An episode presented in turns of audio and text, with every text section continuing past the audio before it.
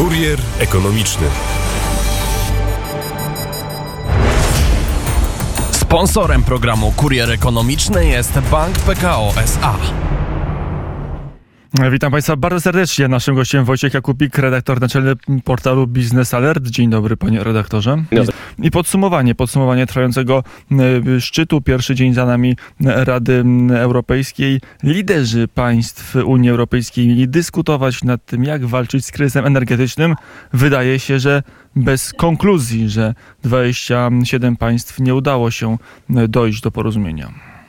Faktycznie nie ma rozstrzygnięć, są e, decyzje kierunkowe w odniesieniu do kilku ważnych spraw, które nieco poszły naprzód, natomiast nie mamy najważniejszego rozstrzygnięcia w odniesieniu do głównego punktu spornego, czyli ceny maksymalnej gazu w Unii Europejskiej. Rosnąca grupa państw, w której, w której jest także Polska, opowiada się za e, okresowym zamrożeniem. Są one horrendalnie wysokie, gdy rosyjski gaz oddziałuje na nasz rynek, jego siła oddziaływania niestety nadal Gdzieś nam, panie redaktorze, głos niknie. Trzeba się przemieścić w, w taki punkt y, czasu i przestrzeni, gdzie głos A. będzie lepszy. Polecamy okno, na Dobrze, tu? przykład z doświadczenia. Tu jest y, lepiej.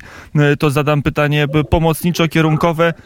Po co właściwie ten limit cenu, ceny na gaz?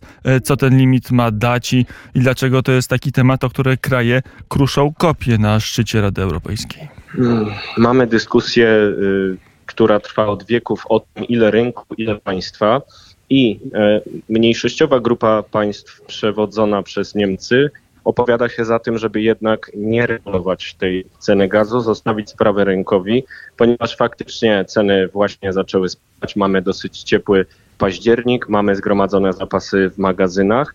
Natomiast dużo większa grupa państw, w jest także Polska, przypomina, że jeden ruch w Rosji, jedno zdarzenie, które znów wywoła panikę na rynku, może wywołać nowy szczyt cen gazu ziemnego przez utrzymujący się wpływ tych zdarzeń na nasz rynek gazu i potrzebujemy mechanizmu kryzysowego, który pozwoli impregnować nas na e, oddziaływanie Gazpromu, które pogłębia kryzys energetyczny. I ta dyskusja nie przyniosła konkluzji. To niestety jest już kolejny szczyt, na którym nie udało się porozumieć w tej sprawie. Pierwszy raz próbowaliśmy jeszcze w grudniu 2021 roku, kiedy zaczynał się kryzys energetyczny, kiedy nie byliśmy jeszcze wszyscy pewni, czy to jest skutek działania Gazpromu. My w Polsce przekonywali, że tak właściwie na pewno jest i tak jest, teraz to widać po danych, więc powinniśmy dojść do rozstrzygnięcia, ale obawy się utrzymują. Ciąg dalszy dyskusji ma toczyć się na poziomie ministrów odpowiedzialnych za energetykę, czyli naszej pani minister e, klimatu i środowiska.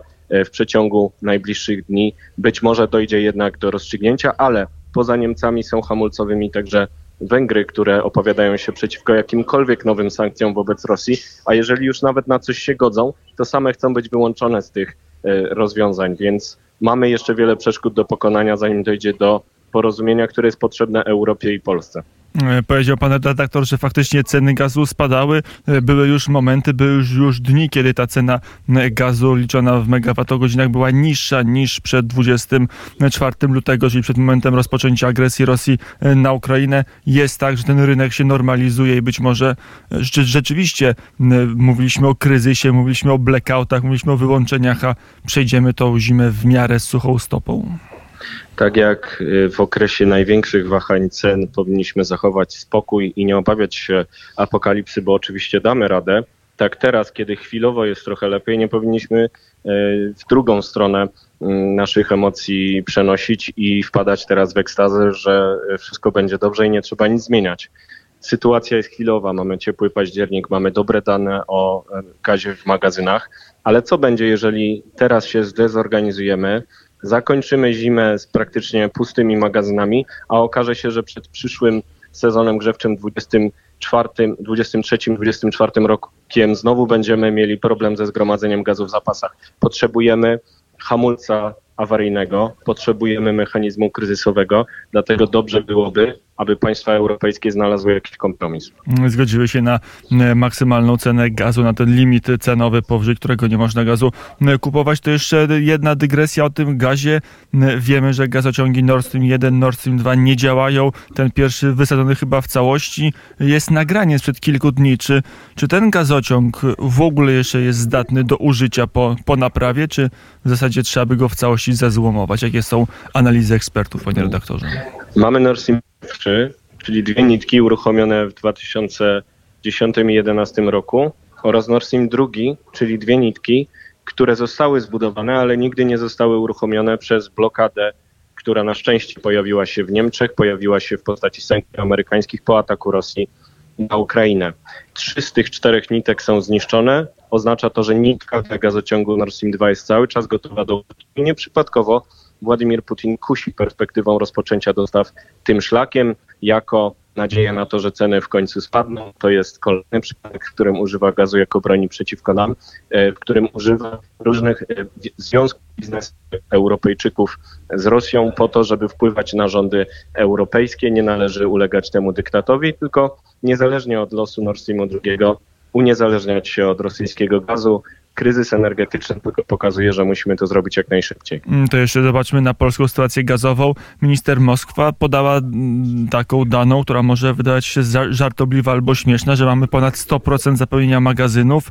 E, jak to jest możliwe? Jaki jest faktycznie, mm, na ile Polska jest zabezpieczona na, ten, na tą zimę? Teraz już mamy poniżej 100%, ponieważ y, zgodnie z procedurami gaz jest na bieżąco zczerpywany, potem uzupełniany po to, żeby zapewniać go gospodarce. Magazyny gazu pracują w ten sposób, więc nie dzieje się nic złego, wszystko toczy się zgodnie z planem.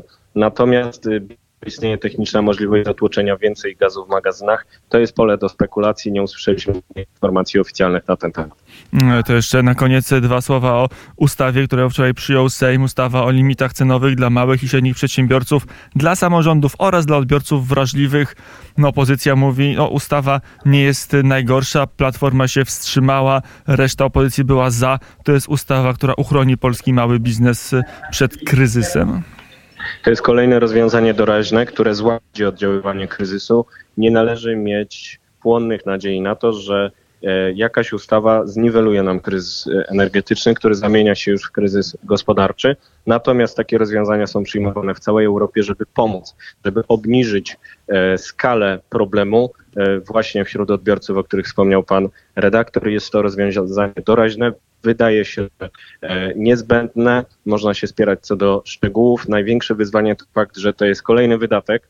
Teraz prawie 20 miliardów złotych. Na szczęście finansowany na razie nie z budżetu, a z nadmiarowych przychodów spółek, które będą wyliczane w taki sposób, żeby przy okazji nie pozbawić ich środków na inwestycje, które też mają dać bezpieczeństwo, więc należy ocenić pozytywnie ten ruch. Mm, powiedział Wojciech Jakubik, redaktor naczelny portalu Biznes Alerty. Dziękuję bardzo za rozmowę. Dziękuję. Kurier ekonomiczny. Sponsorem programu Kurier Ekonomiczny jest Bank PKO SA.